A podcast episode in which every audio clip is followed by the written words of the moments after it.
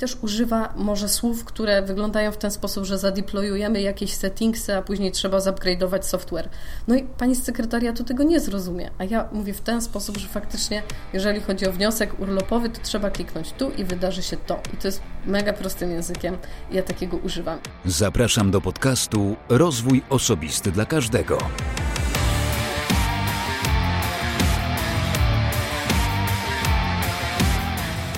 Ja nazywam się Wojtek Struzik, a Ty będziesz właśnie słuchał 97 odcinka podcastu Rozwój Osobisty dla Każdego, który nagrywam dla wszystkich zainteresowanych świadomym i efektywnym rozwojem osobistym. Moim gościem w tym odcinku jest Marta Czapik, czyli legalna Marta. Rozmawialiśmy z Martą m.in. o Microsoft 365, czy też Office 365, bo i taką nazwę możesz znać, ale rozmawialiśmy bardzo dużo też o marce osobistej i kilku innych bardzo ciekawych zagadnieniach. Ale tradycyjnie, zanim zaproszę do rozmowy z Martą, to przypomnę, że w 96 odcinku moim gościem była Wiktoria Iwanowska, z którą to rozmawiałem o tym, jak wdrażać swoje pomysły. To również bardzo ciekawa i bardzo energetyczna rozmowa, więc jeśli jeszcze nie miałeś okazji posłuchać, to zapraszam Cię do tego właśnie teraz. Zapraszam też na stronę Rozwój Osobisty dla Każdego oraz do obserwowania podcastu na Twoim ulubionym medium społecznościowym. Podcast jest dostępny na Instagramie, na Facebooku, na LinkedInie i czasem pojawia się nawet na Twitterze. A w rozmowie z Martą usłyszysz wiele ciekawych informacji, zarówno w kontekście omawianego pakietu MS365, e, tu sam dowiedziałem się całkiem sporo, jak i marki osobistej czy sprzedaży na LinkedIn, która, jak się okazuje, po raz kolejny działa. Dużo tu o świadomej i odpowiedzialnie realizowanej strategii biznesowej, ale też i strategii marketingowej. Ja tak przynajmniej to odbieram. Dodam tylko, że Marta przygotowała bardzo ciekawy materiał dla słuchaczy podcastu, który zupełnie za darmo możecie pobrać ze strony rozwój osobisty dla każdego.pl łamane przez RODK 097 i w opisie tego podcastu będzie link do pobrania materiału. Serdecznie namawiam do tego, żebyście pobrali, bo widziałem go i wiem, że Marta włożyła naprawdę dużo pracy w to, żeby go przygotować i żeby był on zrozumiały dla tych, którzy być może z pakietem MS 365 nie mieli do czynienia. A teraz zapraszam już bardzo serdecznie do wysłuchania naszej rozmowy. Wszystkiego dobrego. E, nazywam się Marta Czapik. Niektórzy mogą mnie znać z internetu jako legalna Marta. Zajmuję się Office 365 e, już od bardzo dawna, a od roku szkole z Office 365 firmy i nie tylko, bo również e, obsługuję szkoły i szkole w polskim, prostym języku, bez języka technicznego, bez języka marketingowego, na polskich przykładach polskich przedsiębiorstw, naprawdę na luzie, bez e, żadnych trudnych słów, tak żeby każdy zrozumiał. W szkole z podstaw nie wdrażam, jestem raczej osobą o takich umiejętnościach miękkich. Ja potwierdzam, jak chcecie, a to na końcu też damy jeszcze namiar, to Marta ma bardzo dużo wartościowych treści na swoim profilu na LinkedInie i dokładnie w taki sposób, jak przed chwilą powiedziała, prostym językiem użytkownika. Myślę, że osoby, które mają podstawy mm, albo nawet ich nie mają czasami to zrozumieją z tego mm, bardzo dużo. Dobra, Marta, przejdziemy później do meritum, a teraz tradycyjnie, jak każdy gość, powiedz, co jest Twoją pasją albo jakie masz pasje? Zaskocz mnie. No tutaj mogę Cię zaskoczyć, bo jeżeli chodzi o to pytanie, to wiem, że w podcaście zadajesz to pytanie chyba każdemu i długo myślałam nad tym i zastanawiałam się, co jest moją pasją i tak stwierdziłam, że trochę mogę to porównać do tego, co bym sobie wytatuowała, bo ktoś kiedyś pytał, masz tatuaż, to sobie wytatuuj. Ja mówię, okej, okay, tylko że mi pasja się zmienia co kilka lat, a czasami czasami co roku. I u mnie moje życie jest tak dynamiczne, że jeżeli zrobiłabym sobie tatuaż, to on za rok będzie nieaktualny. Ja miałam różne pasje, bo przechodziłam przez granie w zespole na gitarze basowej i faktycznie grałam koncerty, ale przeszło mi, można tak powiedzieć, i zaczęłam biegać. Ponad 5 lat biegałam i mówiłam cały czas, że moją pasją jest bieganie. I faktycznie zrobiłam już takie biegi. Moim celem był maraton i myślałam, że zrobię go za wiele, wiele lat, ale już ten maraton zrobiłam i celu już nie mam. Więc zaczęłam trenować rugby i gram teraz w Ekstralidze e, kobiet w rugby siódemkowym e, w Poznaniu, w Black Rose z Poznania. No i można powiedzieć, że to jest moją pasją, tylko pytanie, czy sama gra może być pasją, bo ja nie oglądam meczy, nie jestem jakąś fanką tego sportu, po prostu zaczęłam grać, bo mi się zaczął podobać ten sport w praktyce. No i można powiedzieć, że to jest moja pasja, bo codziennie chodzę niemal na treningi każdego wieczoru. Akurat dzisiaj spotkałam się z Tobą odpuszczając trening, ale treningi faktycznie odbywają się codziennie i można powiedzieć, że jest to moją pasją, ale później jak tak pomyślałam, czy to nie będzie troszkę oklepane, jak powiem, że pasją jest moja praca, bo bardzo lubię pomagać ludziom, bardzo lubię technologię, ale zawsze mówiłam, że jeżeli zamienię pasję w pracę, to już nie będzie mi to sprawiało takiej frajdy, więc uważam, że jednak pracę, pracy nigdy nie będę nazywała pasją, mimo tego, że to mhm. lubię. Ale to powiem Ci, podobają mi się Twoje pasje, nawet jeśli są już nieaktualne, może kiedyś do nich wrócisz, e, bo to też świadczy o tym, że Ty, podobnie trochę jak ja, poszukujesz. Ja też przez wiele lat poszukiwałem, przechodziłem przez crossfit, jogę, bieganie i wiele innych rzeczy i, i każde myślałem, że to już jest wreszcie to. E, póki co na razie blisko dwa lata zostały e, podcasty i, i, tego się trzymam, oby jak najdłużej, e, ale to jest też dużo prawdy w tym, co powiedziałaś, że jeśli nazwiesz swoją pracę pasją, to coś będzie nie tak, albo z pracą, albo z pasją, nie? To, to będzie, nie będzie tej przyjemności w pasji, a, ale z drugiej strony, tak jak wielu gości mówi, uwielbiają robić to, co robią, więc mogą to też nazwać pracą, tak? pasją, więc to, to też może iść w tym kierunku. No dobra, dziękuję Ci za to. E, zacząłem też od jakiegoś czasu pytać swoich gości, żeby to nie było gdzieś przemycone w trakcie, ale żeby było jasno wyartykułowane, mm, ponieważ podcast jest oczywiście o rozwoju osobistym, jakkolwiek rozumianym, to jak ty rozumiesz rozwój osobisty? E, zawsze jak myślałam rozwój osobisty, to wyobrażałam sobie nieustanną naukę cały czas rozwijanie się, dokształcanie, nauka, nauka cały czas. I też zawsze mówiłam, że nie ma takiego momentu, że ja już przestałam studiować, to ja się już nie uczę, bo ja się uczę cały czas. I na przykład e, wizyty na różnych konferencjach, szkoleniach, e, webinariach, e, kursach online. Ale później tak pomyślałam, że jeżeli chodzi o rozwój osobisty, to to, że ja się uczę, to to mnie nie rozwija. Ja zdobywam wiedzę, ale nie czuję jakiegoś takiego rozwoju osobistego. I poszłam głębiej i stwierdziłam, usiadłam i pomyślałam faktycznie, co mnie rozwija. I mnie najbardziej rozwija pokonywanie barier. I to, że ja zrobię coś na przykład wbrew sobie, to, że ja na przykład nie lubię mówić po angielsku i staram się nauczyć mówić po angielsku i spotkam kogoś, kto nagle zacznie do mnie mówić, to ja to mówię, ja wychodzę z mojej strefy komfortu, bo nie lubię rozmawiać w innym języku, mimo tego, że gdzieś tam się dogadam to jest to dla mnie w jakiś sposób rozwój, bo ja przekraczam te granice i coś we mnie się dzieje w środku, że ja staję się jakby lepsza, przekraczam jakiś poziom, wchodzę na poziom wyższy. I tak samo jest w przypadku jakichkolwiek innych barier, jeżeli po prostu wychodzę ze strefy komfortu i robię coś, czego nie robię na co dzień. I dla mnie właśnie to jest takim rozwojem osobistym, wykraczanie poza to, co robię na co dzień. Piękna definicja, tak bym to powiedział. E, faktycznie uczenie się też jest traktowane jako rozwój osobisty, ale mm, uczenie się takie świadome, w sensie książka i zakuwam, to, to nie o to chodzi, bo doświadczanie nowych rzeczy, tak jak sama właśnie powiedziałaś, jest piękną nauką i też automatycznie rozwojem osobistym, jakkolwiek lubimy lub nie, nie lubimy tego określenia. To trochę tak jak z tym coachingiem, wiele razy to powtarzałem w swoich odcinkach, że to jest trochę takie już stygmatyzowane, a jednak każdy się rozwija. Czy tego chce, czy nie, to się rozwija, bardziej lub mniej świadomie. Bardzo Ci za to dziękuję, bo to też y, mówi o takiej dużej świadomości tego, y, tego rozwoju osobistego. No dobrze, a teraz, y, ponieważ zajmujesz się tym, czym się zajmujesz, pięknie powiedziałaś na samym początku, to ja jako ten, który przeszedł przez kilka takich różnych wersji tego Office'a i różnych wersji jeszcze wcześniej Windowsa, bo to tak trochę też powiązane, to mm, chciałbym zapytać na wstępie, bo myślę, że wielu słuchaczy wcale nie musi o tym wiedzieć, czym jest Windows 365? Office 365. Bo, przepraszam, Muszę Office, oczywiście, że Office. Bardzo dobrze. Office. Pomyślałem o Windowsie i od razu przejąłem Windows. Nie, chodzi o to, czym jest Office 365. Wszystko w rodzinie Microsoftu. E, tak, Office tak. 365 e, teraz już też zmienił nazwę na Microsoft 365, jednak te plany Office cały czas pozostały, także można to traktować zamiennie. Office 365, Microsoft mhm. 365. Niektórzy myślą, i wcześniej tak było, jak przed laty jeszcze ewangelizowałam innych klientów, o tym, czym jest w ogóle Office 365, to wszyscy myśleli, że to jest po prostu Office w chmurze. I myślę, mhm. że są jeszcze osoby, które tak myślą, że to jest po prostu Word i Excel przez przeglądarkę, czyli mhm. przez internet.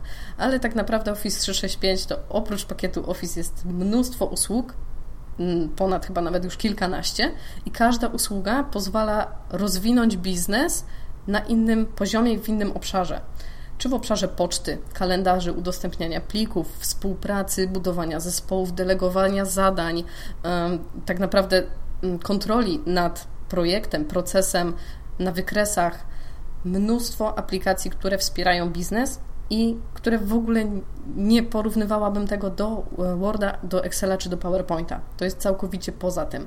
I to są aplikacje, które są cały czas rozwijane. Ponieważ stworzyłam kurs online z Microsoft Teams w maju, i chcieliśmy ruszyć z drugą edycją w październiku i okazało się, że przez pół roku zmieniło się tyle, że będzie trzeba kurs nagrać od początku. I faktycznie pół roku w technologii Microsoftu to jest bardzo dużo. I kiedyś kupowało się pudełko i z pudełka Office korzystało się 5-10 lat. Znam firmy, które 10 lat z pakietu pudełkowego korzystały.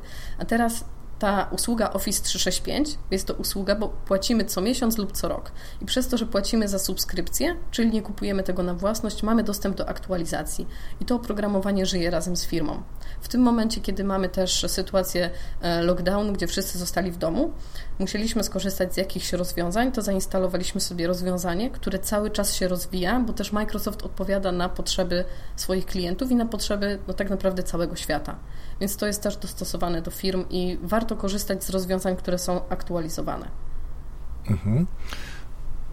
Myślę, że dużo wyjaśniłaś, ale też chciałbym dopytać i upewnić siebie i słuchaczy, że mówimy o wersji takiej, która jest e, abonamentowana, subskrybowana, bo chyba takie są rozwiązania tak. tutaj w tym przypadku, ale są też pakiety dla takich osób indywidualnych, które mam wrażenie, a tak korzystałem z tego, które są darmowe. To jest darmowe przez jakiś czas, czy w jakimś określonym zakresie dostępnych aplikacji i rozwiązań? Jak się różnią te dwie wersje?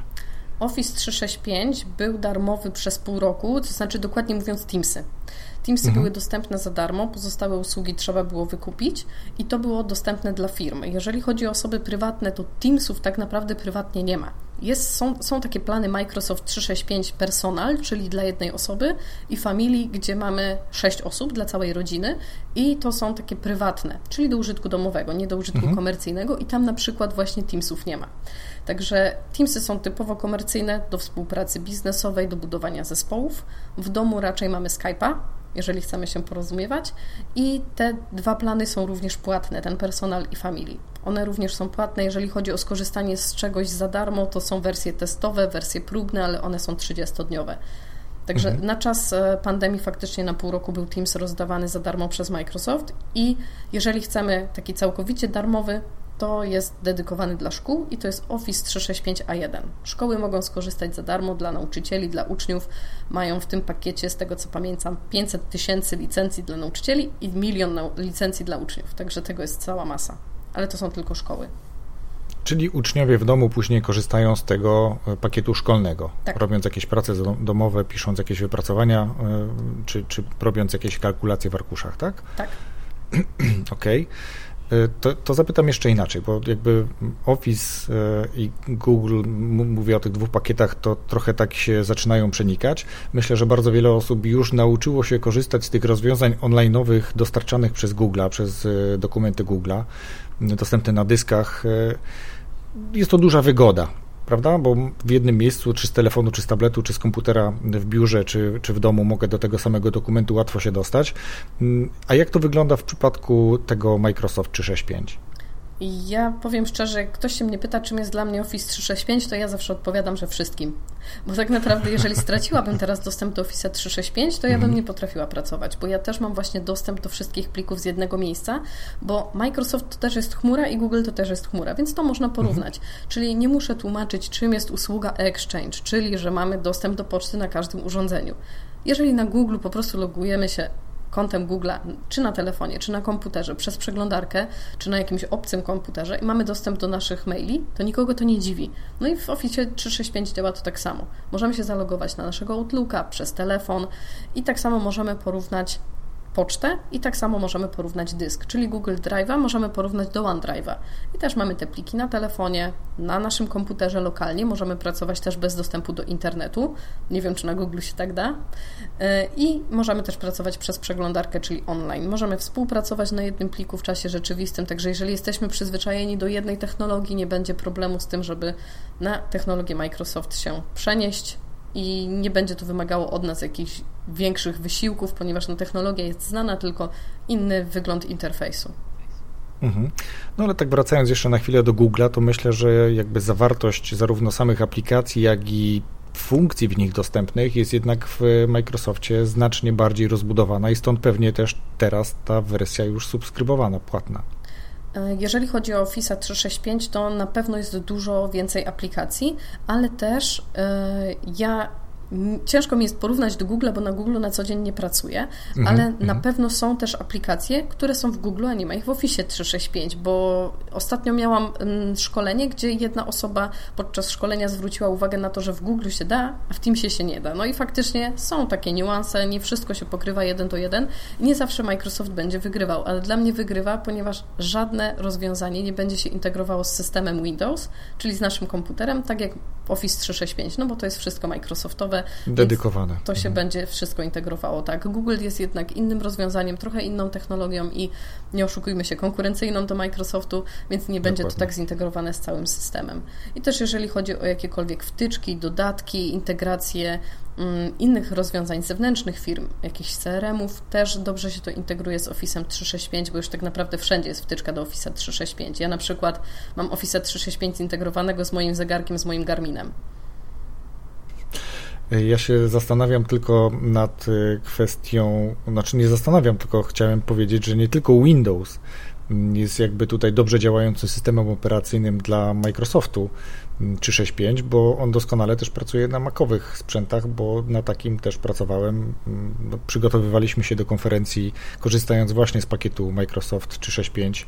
Mieliśmy tą wersję wykupioną, więc też te y, opcje były no powiem szczerze, musiałem się wszystkiego uczyć na nowo, stąd jakby też chętnie przeglądałem treści, które ty udostępniałaś, żeby trochę więcej pojąć. No i tutaj też chciałbym ciebie teraz zapytać, skąd u ciebie taka chyba potrzeba, bo to tak wygląda z tego, jak o tym opowiadasz y, z wielką frajdą, potrzeba dzielenia się wiedzą właśnie z obszaru Microsoftu Office'a 365 to tu jest miejsce na historię. To będzie krótka historia, bo zaczęło się od tego, że ja pracowałam jako handlowiec w firmie, która sprzedawała licencję Microsoft. No i to było jakieś w sumie teraz już będzie w lutym 7 lat temu, jak Office 365 wchodził i wszyscy się tej chmury bali. I właśnie to była, było takie przeświadczenie, że pudełku kupuję i mam na 10 lat, a tu muszę płacić co roku, więc już po dwóch latach przedrażam. I ja wtedy mówiłam, nie, nie, to nie jest tylko pakiet Office, tu mamy jeszcze to i to no okej, okay, ale i tak przedrażam. I ja mówię, kurczę, jak sprzedawać te licencje? I ja jako taki handlowiec bardzo zaangażowany chciałam wyedukować cały świat, żeby sprzedawać licencje, więc najpierw mówiłam, dobrze, to niech Pan posłucha, usiądźmy i ja pokażę. Godzinkę, półtorej, ja pokażę, jak działa ten Office 365 i wtedy było, wow, no to ja nie wiedziałem. Na początku jest, ale ja z tego nie korzystam, ja nie chcę. No nie korzysta pan, bo pan nie wie, co tam jest. Ja panu pokażę. I pokazywałam, łączyłam się z nim, czy to na Skype'ie, bo wtedy jeszcze był Skype dla firm. Pokazywałam, to działa tak, a tu będzie pan mógł zrobić to, a tutaj będzie pan mógł skontrolować użytkowników, swoich pracowników, a tutaj wysłać im plik.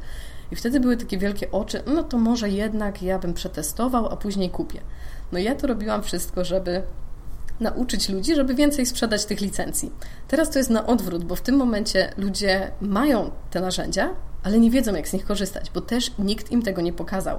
Wiedzą, jaka to jest technologia, wiedzą, że tego potrzebują, i w tym momencie jest to w ten sposób, że prezes wydaje pieniądze na oprogramowanie, bo wie, jak to działa, i ktoś go namówił, bo zaoszczędzi czas, zwiększy poziom komunikacji, wszystko się u niego rozwinie, ludzie będą oszczędzali czas, tym samym oszczędzimy pieniądze.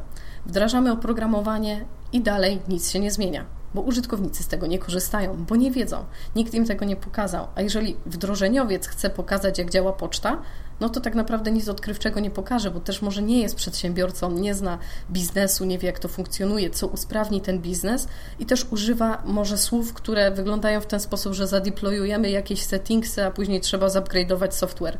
No i pani z sekretariatu tego nie zrozumie, a ja mówię w ten sposób, że faktycznie jeżeli chodzi o wniosek urlopowy, to trzeba kliknąć tu i wydarzy się to. I to jest mega prostym językiem ja takiego używam. I zaczęło się właśnie od tego, że ja musiałam nauczyć klienta, czym jest Office 365 i zaczęłam e, odkrywać, że cały czas mówię to samo tym ludziom. Więc zaczęłam się nagrywać i mówię, będę wypuszczać takie filmiki, to wtedy nie będę musiała tego tłumaczyć, tylko powiem, niech pan obejrzy ten filmik, jak ktoś miał takie pytanie. I to była tak naprawdę taka moja baza wiedzy, którą udostępniałam, żebym ja nie traciła czasu. Znalazłam sobie sposób na zaoszczędzenie mojego czasu i ten rynek się tak rozwinął, że ja teraz zaczynam dzielić się tą wiedzą. Wiem, że tą wiedzę mam no, większą niż przeciętny użytkownik Office 365 i mogę pokazać tym ludziom, w jaki sposób lepiej z tego korzystać.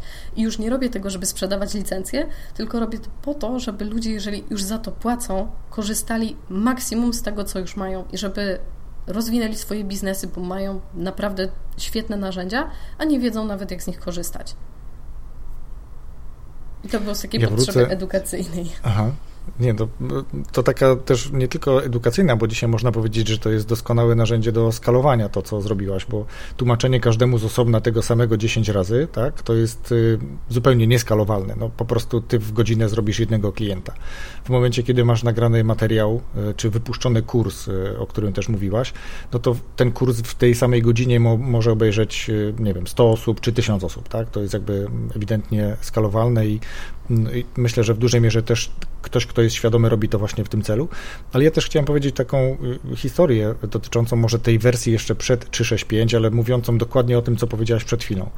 Miałem takiego, mam takiego znajomego, co prawda z racji na położenie geograficzne trochę mniej się już kontaktujemy ze sobą, ale on wtedy przyszedł do mnie i powiedział, Wojtek, chcę mieć szkolenie z Excela, bo czuję, że ja zupełnie jakby nie wykorzystuję jego możliwości. Nie? No, Excel dzisiaj w tym pakiecie również jest dostępny.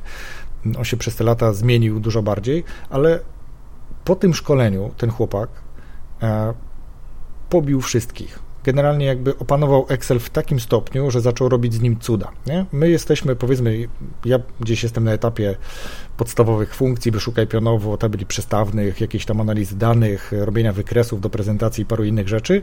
Mm, jest to nic, jakby jeżeli chodzi o kwestię umiejętności obsługi Excela w stosunku do osób, które mają podstawy, no to oczywiście jestem już dla nich wow, tak, no ale ja jestem taki maluczki. A Grzesiek, bo o nim mówię, opanował to naprawdę do, do, do perfekcji, robił wręcz aplikację z Excela, tak, już mówimy o makrach, o takim wykorzystaniu e, zaciągania danych z baz zewnętrznych i tak dalej. To Mówię to dlatego, że to pokazuje, że jak patrzymy na jakąś aplikację, patrzymy na jakieś rozwiązanie czy zestaw aplikacji, jakim jest Microsoft 365, to, to my widzimy w nim ja tak patrzę na to, tylko tą część, którą być może częściowo znam, tak? Czyli patrzę, no dobra, jest Office, y, czyli jest ta część Excelowa, jest ta część Worda, mogę zrobić jakąś prezentację, mogę coś udostępnić, możemy razem pracować na dokumencie, a jest tam wiele innych y, rzeczy, o których trochę też mówiłaś, y, które wyróżniają tą aplikację i jakby bycie na bieżąco albo uczenie się, rozwijanie po to, żeby lepiej z tego korzystać, nawet nie wiemy, jakie ma, może nam przynieść korzyści. I jakbyś teraz chwilę powiedziała o tych korzyściach dla takiego przeciętnego użytkownika dzisiejszego, nawet takiego pakietowego, pudełkowego Excela, w momencie, kiedy on dostaje 365 i mówi, dobra, co teraz mam dalej zrobić? Czym to mi się różni? Jaką korzyść mam dla siebie w związku z tym? Tutaj mogłabym naprawdę przykładami spać z rękawa, bo tych przykładów mam już w głowie mnóstwo. Tylko pytanie właśnie, czym się zajmujemy i czy jesteśmy firmą, zarządzamy zespołami, czy jesteśmy jednoosobowym przedsiębiorstwem. Bo jeszcze tylko dodam, że kiedyś ta technologia, czyli właśnie ta technologia Exchange, SharePoint, um, te dodatkowe, na przykład jak teraz mamy Teamsa, ale kiedyś to był Skype for Business Server, czyli te wszystkie serwerowe aplikacje, to były setki tysięcy złotych i jeszcze trzeba było postawić sobie naprawdę dobre maszyny serwerowe w piwnicy, żeby to utrzymać. I to była technologia tylko dla dużych. A teraz ta technologia jest dostępna dla pojedynczego przedsiębiorcy, bo ostatnio właśnie o tym mówiłam i porównywałam to, że miesięczna, e, miesięczna opłata za taką licencję to jest e, duża kawa i hot dog na stacji. To jest dokładnie ta sama kwota i to jest miesięczna usługa, gdzie mamy dostęp do licencji, e, do oprogramowania klasy Enterprise. I my możemy teraz skorzystać, jeżeli nawet jesteśmy jednoosobową przed, jednoosobowym przedsiębiorstwem, czyli na przykład tak jak ja i coś sprzedaję, to ja u siebie zautomatyzowałam pracę, czyli wykorzystałam właśnie na przykład Microsoft Forms do stworzenia formularza. Jeżeli ktoś u mnie coś zamawiał, to ja mówiłam, tutaj jest formularz, uzupełnij ten formularz, dane. Nazwa firmy, imię, nazwisko, numer kontaktowy, wszystkie dane do zamówienia i dane do faktury. I jeżeli te dane wprowadził, to ja też w Office 365 i w Microsoft 365 jest aplikacja, do której każdy ma dostęp, nie, nie, każdy o tym wie, Power Automate. I dzięki temu możemy automatyzować całą swoją pracę i mi ten formularz automatycznie te dane wpisywał do innego miejsca, gdzie ja później mogłam sobie te dane wizualizować, przetwarzać, kopiować i miałam wszystko w jednym miejscu. I automatycznie, jak to zamówienie zostało złożone, to klient otrzymywał maila ode mnie, który był napisany wcześniej. Dziękujemy za złożenie zamówienia, realizacja potrwa na przykład dwa dni, albo na przykład potrzebujemy jeszcze podpisać umowę, cokolwiek. I to wszystko dzieje się w tle. Jedna osoba nawet, czyli tak jak ja jestem sama sobie szefem i nie mam czasu na to wszystko, na wysyłanie maili, na jakieś automatyzacje, znaczy na robienie tego wszystkiego cyklicznie, mogę sobie to zautomatyzować, to właśnie nawet jedna osoba może zaoszczędzić mnóstwo czasu dzięki jednej subskrypcji Office 365, bo oprócz tych właśnie formularzy można tworzyć dynamiczne prezentacje, oferty, gdzie tylko po wysyłce adresu www mamy prezentację, która może być edytowana w czasie rzeczywistym, czyli wysyłamy po prostu link, ta prezentacja, jeżeli coś się w niej zmieni, zmienią się ceny, zmienią się produkty, to my to po prostu zmieniamy, tak jak na stronie internetowej. I to jest też taka aplikacja, której nie każdy wie, to jest akurat Sway. Oprócz tego, że my jesteśmy jednoosobowym przedsiębiorstwem i możemy sobie pomyśleć, że nie pracujemy z żadnym zespołem, to nigdy nie jest tak, że jesteśmy sami, bo zawsze współpracujemy z kimś na zewnątrz, z kimś rozmawiamy, no to do tego służy też Teams, bo możemy rozmawiać z osobami na zewnątrz, nie tylko w firmie. Także jeżeli niektórzy myślą, że Teams jest do budowania zespołów, to nie trzeba tam tak naprawdę budować zespołów. Można organizować spotkania, webinary, wideokonferencje, można udostępniać swój pulpit, można przejmować kontrolę nad czyimś pulpitem. Jeżeli jesteśmy e, inżynierem albo coś robimy, produkujemy, chcemy komuś coś pokazać, jak to zadziała u niego, możemy przejść na jego pulpit, zainstalować, coś wyklikać, możemy coś zaprezentować, możemy wspólnie coś wyedytować. Także tych możliwości jest naprawdę mnóstwo, jeżeli chodzi o taką jedną pojedynczą osobę. Jeżeli mówimy o firmie i o budowaniu zespołów, to jest naprawdę mnóstwo możliwości, jeżeli chodzi chociażby o podstawowe narzędzie, które ma każdy, czyli Outlooka i udostępnianie kalendarzy, nakładanie tych kalendarzy na siebie, asystent planowania, czyli nie musimy każdego po kolei pytać, kiedy pasuje Ci spotkanie. Na jednym widoku widzimy kalendarze wszystkich i widzimy na przykład okienko godzinne, gdzie każdy może porozmawiać. Zaoszczędza nam to mnóstwo czasu podczas organizacji spotkań. O tym mogłabym mówić naprawdę bardzo długo, bo w każdej aplikacji jest mnóstwo takich plusów, które możemy wykorzystać już od dzisiaj i nie musimy mieć jakichś wielkich umiejętności ja tak zamilkłem generalnie, bo zdaję sobie sprawę z tego, jak ja mało wiem cały czas jeszcze o tym. I, I, to jest już taki moment, kiedy ja jestem tego rodzaju człowiekiem, że y, właśnie byś mi sprzedała coś i, i ja właśnie bym to od ciebie kupił po tym, co przed chwilą powiedziałaś. Mm, ale to pokazuje też, jak y, dużo o tym wiesz jak, jak dużym ekspertem jesteś jakby w tej dziedzinie w Microsoft 365. Y, ale wiesz co, ja chciałem trochę zejść z, z tego Microsoftu, ale zanim zejdę, to chciałem Ciebie jeszcze poprosić, żebyś powiedziała słowo na temat materiału, jaki przygotowałaś dla słuchaczy podcastu. Możesz teraz? Tak, ja przygotowałam specjalnie e, dla Was, dla, dla słuchaczy i e, naprawdę to nie jest tak, że ja miałam jakiegoś gotowego PDF-a, bo siedziałam tym bardzo długo, jak e, Wojtek powiedział, że fajnie by było przygotować coś dla słuchaczy. Powiedziałam, ok, przygotuję coś ekstra. Nie coś, co jest dostępne w internecie, nie coś z dokumentacji Microsoftu, przez którą trzeba się przebić. Przygotowałam kilka, tam jest chyba nawet kilkanaście stron w PDF-ie, w takiej bardzo fajnej, przyjaznej e, opcji graficznej, gdzie zatytułowałam tego PDF-a, czy Office 365 jest dla mnie. I faktycznie, jeżeli zastanawiacie się, czy Office 365 jest dla mnie, przeczytajcie po prostu o kilku funkcjonalnościach, które ja tam wymieniam, co nam daje. Outlook, co nam daje właśnie SharePoint, OneDrive, co nam daje ten y, Forms y, i pozostałe aplikacje, Teams.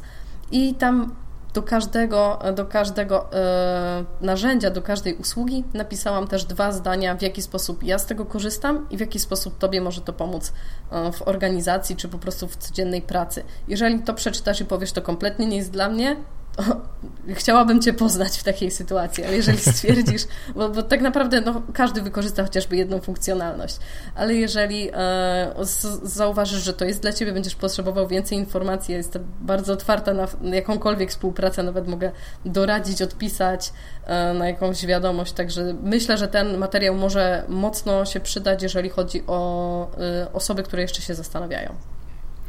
A ja dodam tylko od siebie, że ja go już widziałem kilka dni temu. Marta udostępniła mi w weekend, się z tym zapoznałem i mówię, no wow, w ogóle to ja bym chciał umieć robić takie dokumenty. No to Marta powiedziała, nie, to ja to wykorzystałam tutaj do tego jakiś tam szablon, ale jakby ta wiedza już nie pochodzi z szablonu, ta wiedza już pochodzi od Marty i faktycznie e, widać, że tam parę godzin jednak co najmniej nad tym posiedziała i zachęcam gorąco do tego, żebyście się zapoznali z tym. Jakkolwiek mamy potrzeby dzisiaj korzystania z różnych e, aplikacji typu e, arkusz kalkulacyjny czy, czy właśnie Word, gdzie musimy napisać, to nagle się okazuje, że ten zestaw innych aplikacji świetnie nam to łączy i automatyzuje tak jak powiedziałaś przed chwilą, ja byłem tak otwarta buzia i tak słucham, mówię, to wszystko można zrobić w Teamsach, znaczy w, w, w Microsoft Office, no, no, no to wygląda, że, że wszystko można tam zrobić, ale zostawmy go, tak jak powiedziałem. E, osoby zainteresowane w opisie tego odcinka podcastu na stronie rozwój osobisty dla każdego.pl będziecie mieli materiał do pobrania, zachęcam.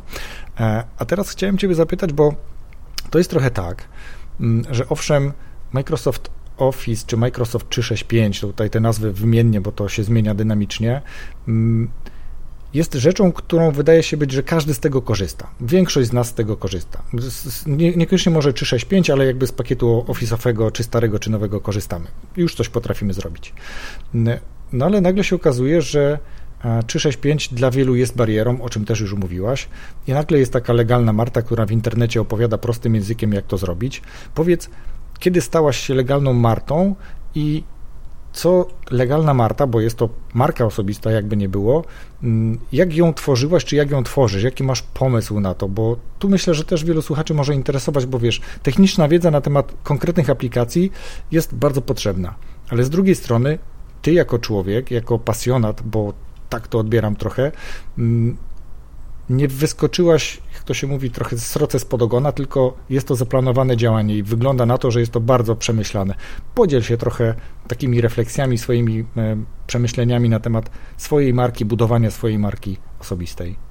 E, od samego początku to wyglądało w ten sposób, że właśnie kiedy ja tłumaczyłam to wszystko klientom i zaczęłam, bo ja kiedyś miałam kontakt, e, taką miałam swoją grupę klientów, że to byli administratorzy IT.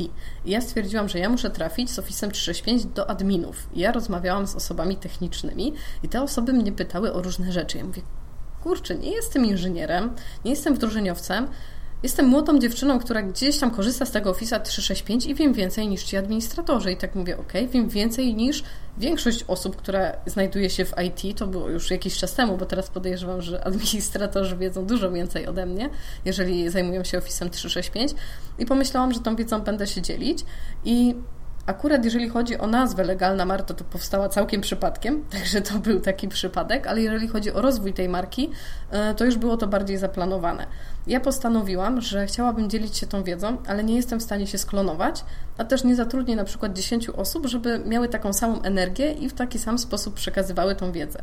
Bo wiem, jak e, przekazują tą wiedzę osoby, które są osobami technicznymi, i nigdy nie można od nich wymagać, że one będą miały niesamowitą ekspresję, ponieważ to są jednak osoby, które lubią coś innego. Lubią jednak coś skonfigurować, zaprogramować, najlepiej nie mieć kontaktu z klientem w ogóle. Dlatego ja stwierdziłam, że jestem takim łącznikiem między IT a biznesem i będę uczyła biznes tych rzeczy IT, które jednak będą przekazane w takiej ciekawej formie, ale jeżeli ja otworzę firmę szkoleniową i zacznę uczyć, no to moja doba ma określoną ilość godzin.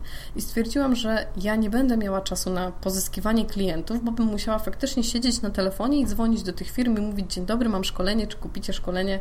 Jeszcze musiałabym znaleźć firmy, które korzystają z Office 365 i postanowiłam, że będę dzielić się wiedzą w kompletnie niesprzedażowy sposób i niczego w social mediach nie będę sprzedawać i będę dzielić się wiedzą, jak kogoś to zainteresuje, no to do mnie przyjdzie, bo widzi, że ja po prostu się na tym znam. Taka była moja strategia. E, stworzyłam sobie jakąś markę, ale występuję jednak e, na LinkedInie na przykład pod imieniem i nazwiskiem czyli cały czas na moim prywatnym profilu wszystko publikuję i te sieci, e, te, te materiały w sieci zauważyłam, że są często oglądane i mają dość spore zasięgi i faktycznie firmy zaczęły się do mnie odzywać. Ja ruszyłam dość niedawno, bo tak naprawdę e, na swoim, na takich swoich dwóch nogach, bez nikogo za mną, e, jestem od stycznia, więc to nawet jeszcze nie jest rok. A ja i tak już uważam za to, co osiągnęłam, za, za, za spory sukces, ponieważ myślałam, że do tego momentu dojdę po kilku latach. A tu już faktycznie jest, wygląda to w ten sposób, że gdzieś marka jest rozpoznawalna, bo faktycznie też to zauważyłam, że nie muszę się już u niektórych przedstawiać i, i to jest dla mnie na, naprawdę bardzo fajne. I na przykład chociażby to, że jestem u Ciebie w podcaście, no to też jest dla mnie na przykład duży, e, duży ogromny zaszczyt, że, że mogę tutaj być gościem i opowiadać o tym, co, co tak naprawdę lubię. I zaczęłam publikować te, te, te moje publikacje na LinkedInie, bo też sobie e, wymyśliłam grupę odbiorców, że to będzie biznes. Ja nie będę szkoliła osób e, prywatnych, tylko będę szkoliła firmy. No więc firmy są na LinkedInie. Mam oczywiście Facebooka, mam Instagrama, mam YouTube'a, dlatego że jeżeli ktoś będzie chciał mnie tam znaleźć, to mnie znajdzie, ale treści tworzę na LinkedIna, bo tam jest klient biznesowy. I tam faktycznie e, te zasięgi zdobyłam, zdobywam klientów, zdobywam rekomendacje. Mam też bardzo dużo ciekawych komentarzy pod takimi postami, więc inni, którzy chcą mnie znaleźć albo którzy gdzieś gdzieś tam mnie obserwują, to też widzą, że to nie jest e, komentarz, który został napisany przez na przykład moją mamę, super córcia ci idzie, bo tak na przykład jest na Facebooku. Moja mama mi komentuje na Facebooku, jestem z ciebie dumna. No, nie, nie mam tutaj żadnego powodu do wstydu, ale na Facebooku nie mam klientów. Tam mam chyba 200 followersów na, na Facebooku, to jest bardzo mało, bo to tak naprawdę każdy może sobie zdobyć chociażby przez swoich znajomych, e, kolegów czy rodzinę.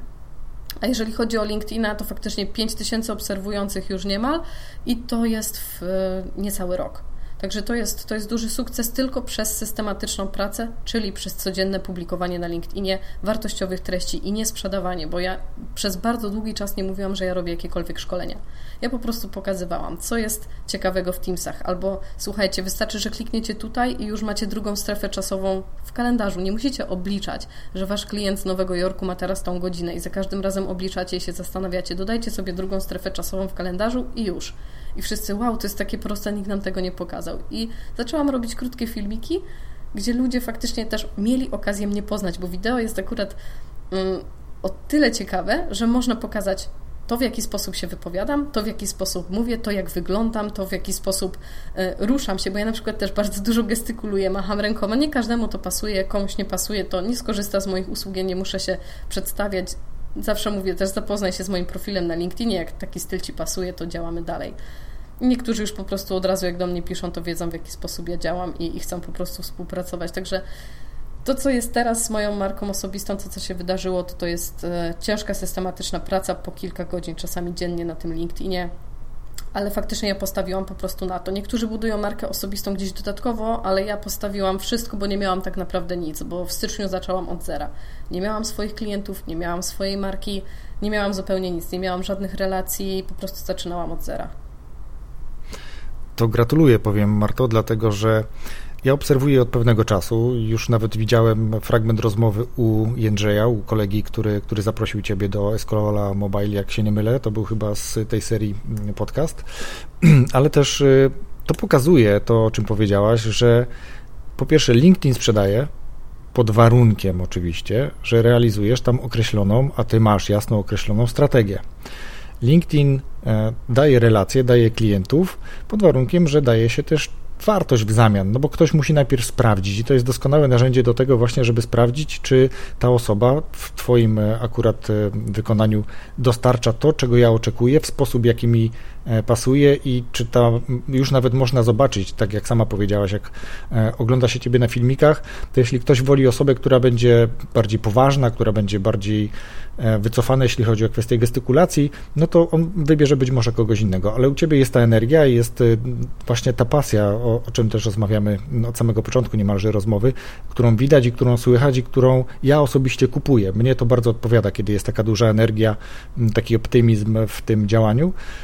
No i to jest właśnie bardzo mocno z głową to, co robisz. Tak? Jeżeli od stycznia do dzisiaj masz markę, która jest dla bardzo wielu osób rozpoznawalna, to eksperci mówią, że markę osobistą buduje się czasami latami a ty zrobiłaś to w przeciągu kilku miesięcy, co na pewno kosztowało cię ogrom pracy, no ale to dzisiaj się sprawdza, bo masz klientów, działasz, jesteś rozpoznawalna, jesteś zapraszana do podcastów, jesteś mm, e, osobą, która angażuje tą społeczność pod swoimi postami, mm, nawet nie używając żadnych clickbaitowych zwrotów, czy też tych call to action e, zwrotów, tak? Tylko po prostu wrzucasz treść, a tam automatycznie ludzie się angażują w nią, bo jest dla nich ona wartościowa. I to jest super. I to pokazuje, że w ten sposób, jeśli ktoś sobie to ułoży, to ma szansę na to, żeby nawet w tak krótkim czasie swoją strategię marki osobistej zrealizować, a później z czasem, tak jak ty dzisiaj, pozyskiwać klientów i tą wiedzę swoją sprzedawać, a za chwilę, o czym rozmawialiśmy przed włączeniem nagrywania, też w jakiś sposób ją zacząć skalować. No bo tak jak powiedziałaś, jesteś jedna, nie skopiujesz się, e, a zapotrzebowanie na to, co dostarczasz, no jest trochę większe, podejrzewam, niż jesteś w stanie to obsłużyć dzisiaj. Tak, nigdy też nie spodziewałam się, że będę planowała moje spotkania, na, e, spotkania, szkolenia na dwa miesiące do przodu. I faktycznie myślałam, jak zaczynałam, czyli w styczniu, że chciałabym tak dwa szkolenia miesięcznie robić. Nie myślałam, że będę robiła kiedyś dwa dziennie. I to już w tym samym roku. A dzisiaj robisz dwa dziennie. E, za dnia szkole firmy, a teraz e, popołudniami, czyli od 16 do 18, akurat w tym tygodniu 3 dni, mam szkolenia stacjonarne w szkole, bo jeszcze szkole nauczycieli z Teamsów, no bo wszystkie lekcje są teraz zdalne, więc e, za dnia szkole kilka godzin firmę, wsiadam w auto, jadę 100 km od Poznania i szkole nauczycieli i wracam po 20, 21 do domu, także jest ciężki okres, ale jest za to zapotrzebowanie. Ja się nie skopiuję, mam ograniczoną ilość godzin w dobie, znaczy no wszyscy mamy tak, taką samą więc no staram się, staram się, żeby tutaj e, jak najbardziej, jak najwięcej tych materiałów stworzyć, tak żeby do nich po prostu odsyłać, a to, co mogę, to faktycznie szkole osobiście. Nie myślisz też trochę tak, że mm, to jest też taki fenomen tego, że w momencie, kiedy przychodzi taka sytuacja, jak nas doświadcza teraz, że jest pandemia, która dotyka bardzo wielu różnych branż, nawet branżę szkoleniową, to nawet w branży szkoleniowej, taka jak Twoja, jeżeli jest jakaś konkretna potrzeba, bo tu akurat ewidentnie jest konkretna potrzeba, to czy ta pandemia też nie pomogła trochę Tobie w tym rozwoju tego biznesu, rozwoju tej marki? Ja trochę ubolewałam nad tym, jak w styczniu wymyśliłam sobie strategię, że będę szkoliła firmy z Microsoft 365, pokażę Teamsy, jak działają. I e, wypuściliśmy kurs, e, darmowy kurs Microsoft Teams na kilka miesięcy, i to był marzec, kwiecień. I zapisało się w tym momencie, w tym kursie jest 4000 osób. I to był taki boom i nigdy nie chciałam mówić, że wybiłam się na pandemii, bo absolutnie nigdy takiego określenia nie użyję, ale uważam, że, że to mi pomogło. To jest akurat moment, gdzie wszyscy tym Teamsem byli zainteresowani. Jakakolwiek informacja o Teamsie nie pojawiła się w sieci, to każdy czytał, a może to coś dla mnie, bo każdy z tych Teamsów korzystał. I jeszcze dodatkowo pomogła mi strategia Microsoftu, czyli udostępnienie Microsoft Teams na pół roku dla wszystkich za darmo nie było osoby, która nie może skorzystać z Teamsa, więc wszystkie materiały, które udostępniałam, każdy mógł tak naprawdę przyswoić od zaraz. Więc to mi pomogło, ale nie uważam, że to jest e, jedyny czynnik mojego sukcesu. Nie, absolutnie ale, ale też nie, nie, nie, sugeruję, nie sugeruję, że to mogło być, ale myślę, że to jest taki trochę też szczęśliwy w tym wypadku zbieg okoliczności, mhm. że to pomogło, trochę spotęgowało jakby zainteresowanie e, Microsoft 365, no bo to jakby w tym kierunku myślę, że idziemy, bo w tym czasie nagle się pojawiły lepsze rozwiązania dla Zooma, który na początku poległ, parę innych rozwiązań, parę innych platform, które bardziej szły chyba w kierunku e, konferencji i rozmów online, a tutaj jednak e, to jest taki wyróżnik trochę, że oprócz tego, że można zrobić konferencję, że można się porozumieć, budować zespół, pracować na dokumentach e, w trybie rzeczywistym. To jest chyba taka największa zaleta tego, e, tego systemu, tak bym powiedział. Ale jeszcze chciałem wrócić trochę do tej, do tej marki osobistej i zapytać Cię, czy w ramach tych działań, które podejmowałaś, tych wszystkich aktywności, postów, czy Ty dokonywałaś jakiejś takiej analizy tego, co publikujesz, jak to działa, e, jakie są tego rezultaty? Czy jest coś, co dzisiaj mogłabyś powiedzieć, to sprawdziło mi się najbardziej? Na pewno najbardziej sprawdzają się nowości, czyli tak jak udostępniłam, chyba dzisiaj nawet zareagowałeś na ten post, że są nagle meetingi Teamsa na LinkedInie. Ja po prostu codziennie wchodzę na LinkedIna, nagle wchodzę, tak, a tutaj tak, mam widziałem. jakąś kamerkę, no to klikam i mogę zrobić spotkanie Teams na LinkedInie. Mówię, to się pojawiło u mnie przed sekundą. Jak ja mogę tego nie, nie opowiedzieć o tym światu? Ja miałam jakieś spotkanie na ósmą, a to była siódma 15 rano, więc mówię, szybko nagram ten filmik, dogram narrację, bo też dbam o to, żeby był dobrej jakości ten film, żeby faktycznie głos nie był nagrany gdzieś tam z telefonu i dograłam szybko narrację, udostępniłam to i dzisiaj ten filmik widziało 12 tysięcy osób. A na LinkedInie akurat filmy są e, niżej punktowane, trzeba obejrzeć minimum 3 sekundy, żeby się wyświetlenie zaliczyło. Czyli wierzę, że około 10 tysięcy osób obejrzało to. I to jest dla mnie faktycznie e, od razu sygnał, że jak pojawi się coś nowego, coś, co jest chwytliwe i coś, co ludzie chętnie zobaczą i się nauczą, bo to im pomoże, to to będzie e, miało duży zasięg. Co jeszcze zauważyłam, jeżeli dodaję twarz, jeżeli dodaję swoje zdjęcie, nie dodaję na przykład jakiejś ikonki Office'a, no to wtedy też ludzie są zainteresowani, bo tutaj jestem ja jako człowiek i ja zawsze e, staram się być autentyczna i pokazuję siebie od tej strony, jaka jestem. Nie pokazuję tylko zdjęć zrobionych u fotografa, tylko na przykład gdzieś tutaj sobie zrobię zdjęcie z mikrofonem, powiem, o, za chwilę będę w podcaście i faktycznie to jest wszystko takie autentyczne. Jak ja żyję, jak ja pracuję, że faktycznie wieczorami gdzieś jeszcze nagrywam e, z innymi osobami, że na przykład tutaj montuję po nocach filmy, to akurat widać na przykład na moim Instagramie, na, na Stories. I teraz na LinkedInie też jest Stories i też mogę to pokazać, jak e, ta marka wygląda od kuchni. I tutaj po pierwsze staram się właśnie być autentyczna, ale to, co najbardziej widzę, że jest doceniane na LinkedInie, to właśnie te filmy instruktażowe, bo nie idę tak naprawdę na zasięgi, żeby zrobić coś e, i zrobić jakiś clickbait, tak jak powiedziałeś, ja tego nie używam, czyli na przykład, a jak tam u Was, gdzie planujecie wakacje? I każdy pisze, gdzie będzie na wakacjach. Tu nie ma żadnej wartości. Jeżeli na przykład chcę się czegoś dowiedzieć, to pytam, a Wam co najbardziej podoba się w Teamsach, czego byście się chcieli dowiedzieć i faktycznie robię to w odpowiedzi na potrzeby innych. I myślę, że to jest doceniane, bo jeżeli e, ktoś skomentuje mi jakikolwiek post, on nie pozostanie bez odpowiedzi. Wiem, że ostatni czas jest trudny i mnie jest mniej teraz na LinkedInie. Staram się gdzieś te nowości i tak wrzucać, ale nigdy nie pozostawiam nikogo bez odpowiedzi. Jak do mnie napisze na LinkedInie wiadomość, to zawsze odpowiem. I myślę, że właśnie ta autentyczność zbudowała to, że ja jestem osobą, której e, nikt nie boi się o coś zapytać, bo nigdy nie schejtuje, nigdy nie odpiszę, na przykład to już chyba wie każdy, tylko i tak czwarty, piąty raz napiszę to samo. Tak, żeby po prostu każda osoba poczuła się zaopiekowana bycie autentycznym to tutaj mi się tak podoba bycie sobą po prostu, taką jesteś osobą, tak, no bo autentyczność jest, y, już, już powiem, że autentyczność jest też bardzo różnie interpretowana, nie? bo to okay. jest już też takie słowo trochę, które, które zaczyna przebrzmiewać, bo autentyczność się zrobiła popularna, y, ale dla mnie autentyczność to jest właśnie bycie sobą tak jak my teraz rozmawiamy, tak samo ty nagrywasz materiał dla swoich odbiorców, tak samo jesteś na, na relacjach, czy to na Instagramie, czy na LinkedInie jakby nie ma, nie ma ciebie innej. Nie? To jest jakby dla mnie ta, ta autentyczność. Natomiast niektórzy autentyczność na LinkedInie rozumieją jako tu jestem autentyczny na LinkedInie, ale autentyczny jestem inny na Instagramie. Nie? Więc jakby mam jednak dwie autentyczności. To, to już dla mnie nie jest wtedy autentyczność.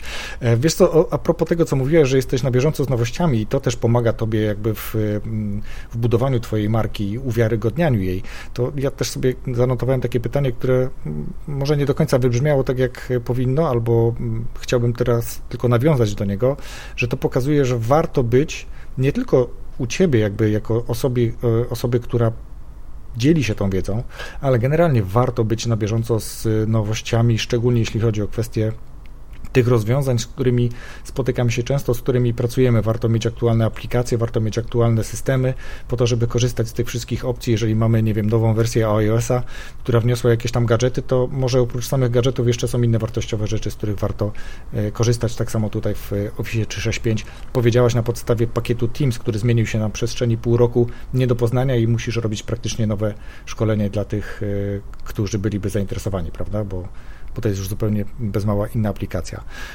Dobra, bardzo dziękuję Ci za to, że podzieliłaś się tym tak, bo mm, jakby budowanie marki dla bardzo wielu jest y, wyzwaniem i bardzo wiele osób ma trudność, szczególnie w tym przedstawianiu siebie, w pokazywaniu siebie, swojej twarzy, w mówieniu do ekranu, nagrywaniu siebie i dzieleniu się wiedzą.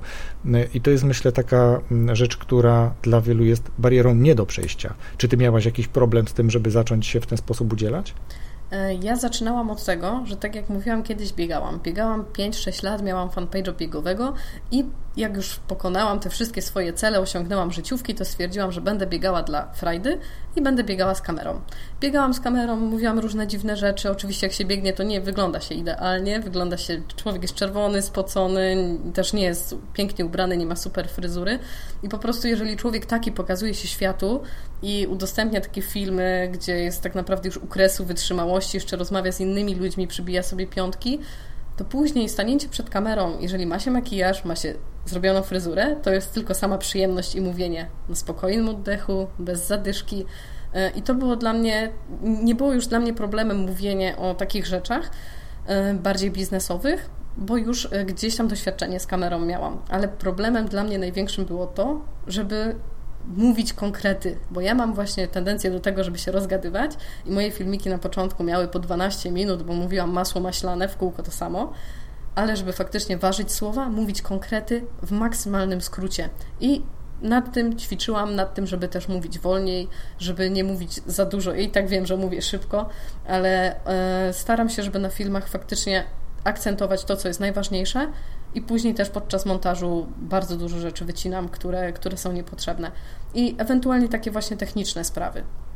Ale jeżeli chodzi o samą blokadę, żeby mówić, ja tak jak kiedyś powiedziałam, mam zawsze, e, od zawsze takie parcie na szkło. Jak ktoś mówi na przykład, nie wiem, w szkole czy gdziekolwiek dziewczyny się zakrywały, nie rób mi zdjęć, to ja zawsze mówiłam, dobra, mi możesz zrobić. I tak jakoś nie miałam z tym problemu, żeby się pokazać, mam duży dystans do siebie i w jakiejkolwiek sytuacji nie jestem, to gdzieś tam zawsze mogę sobie to zdjęcie zrobić. To jeszcze zapytam Ciebie w takim razie, czy masz jakieś sprawdzone metody, takie, które pozwoliły Ci właśnie mówić sensownie, konkretnie i na temat bez masła maślanego? E, robiłam sobie scenariusze. Pisałam po prostu to, co jest najważniejsze. I jak już wiedziałam, że e, nie mieszczę się w czasie, ćwiczyłam po prostu to, co miałam napisane, żeby to mówić. Później już po jakimś czasie nie musiałam tego robić, ale faktycznie musiałam sobie pisać scenariusz czasami słowo w słowo, albo po prostu nagrywałam się z taką transkrypcją, czyli od, uruchamiałam sobie aplikację, która słuchała tekstu i go pisała, i później mówiłam, Boże, jak ja dużo tekstu jestem w stanie powiedzieć przez dwie minuty. I starałam się mówić wolniej, niepotrzebne słowa usuwałam i faktycznie nad tym pracowałam. Także to, to wszystko to jest praca i to wszystko jest do, do wyuczenia. Potwierdzam, jest to bardzo dużo pracy. Gratuluję w ogóle. Dobra, Marta, powiedz mi jeszcze taką rzecz, ponieważ y, zawsze też pytam o to gości. Mm, czy jest jakaś literatura, nawet może niekoniecznie dotycząca Microsoft 365, ale taka, którą chciałabyś się podzielić, bo po przeczytaniu na przykład tej książki utkwiła ci w głowie i e, chciałabyś podzielić się z słuchaczami?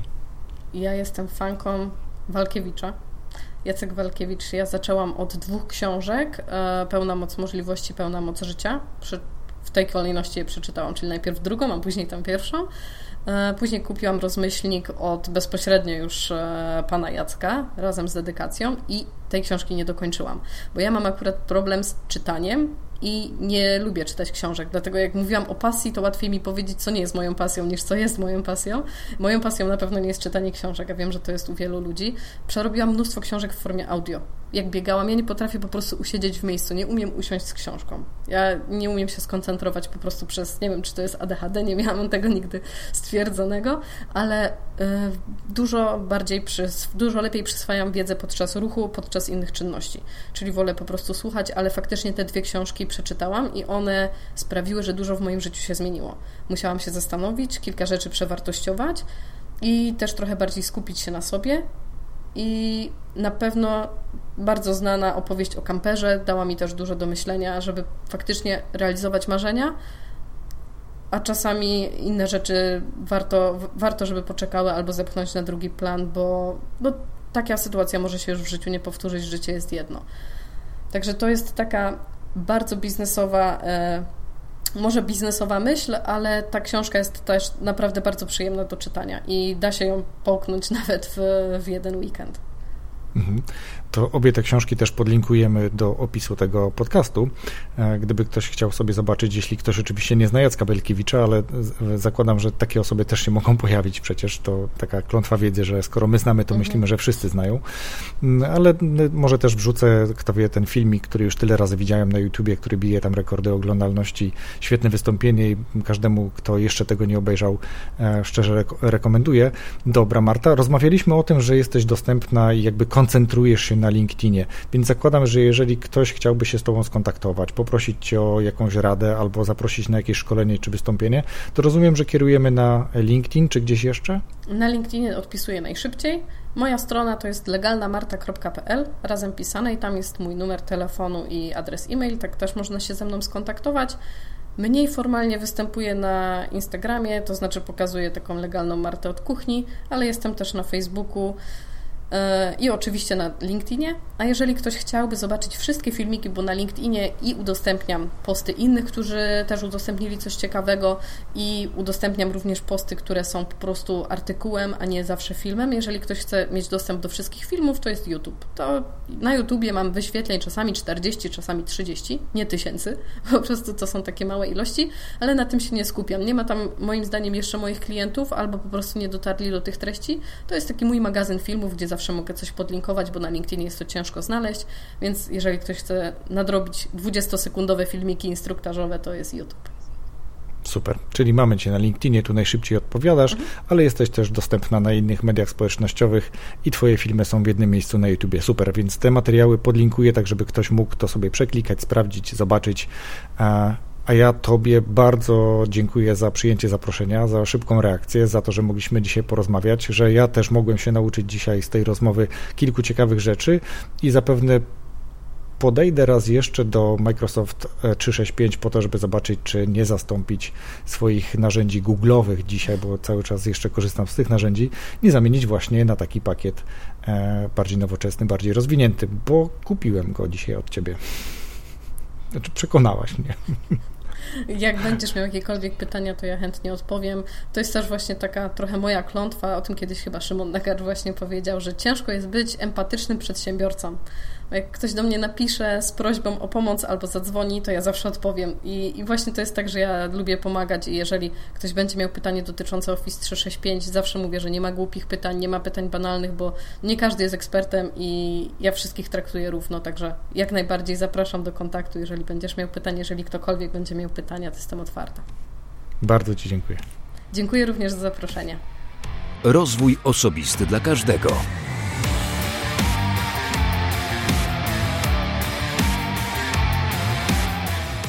Mam szczęście do ciekawych i energetycznych gości.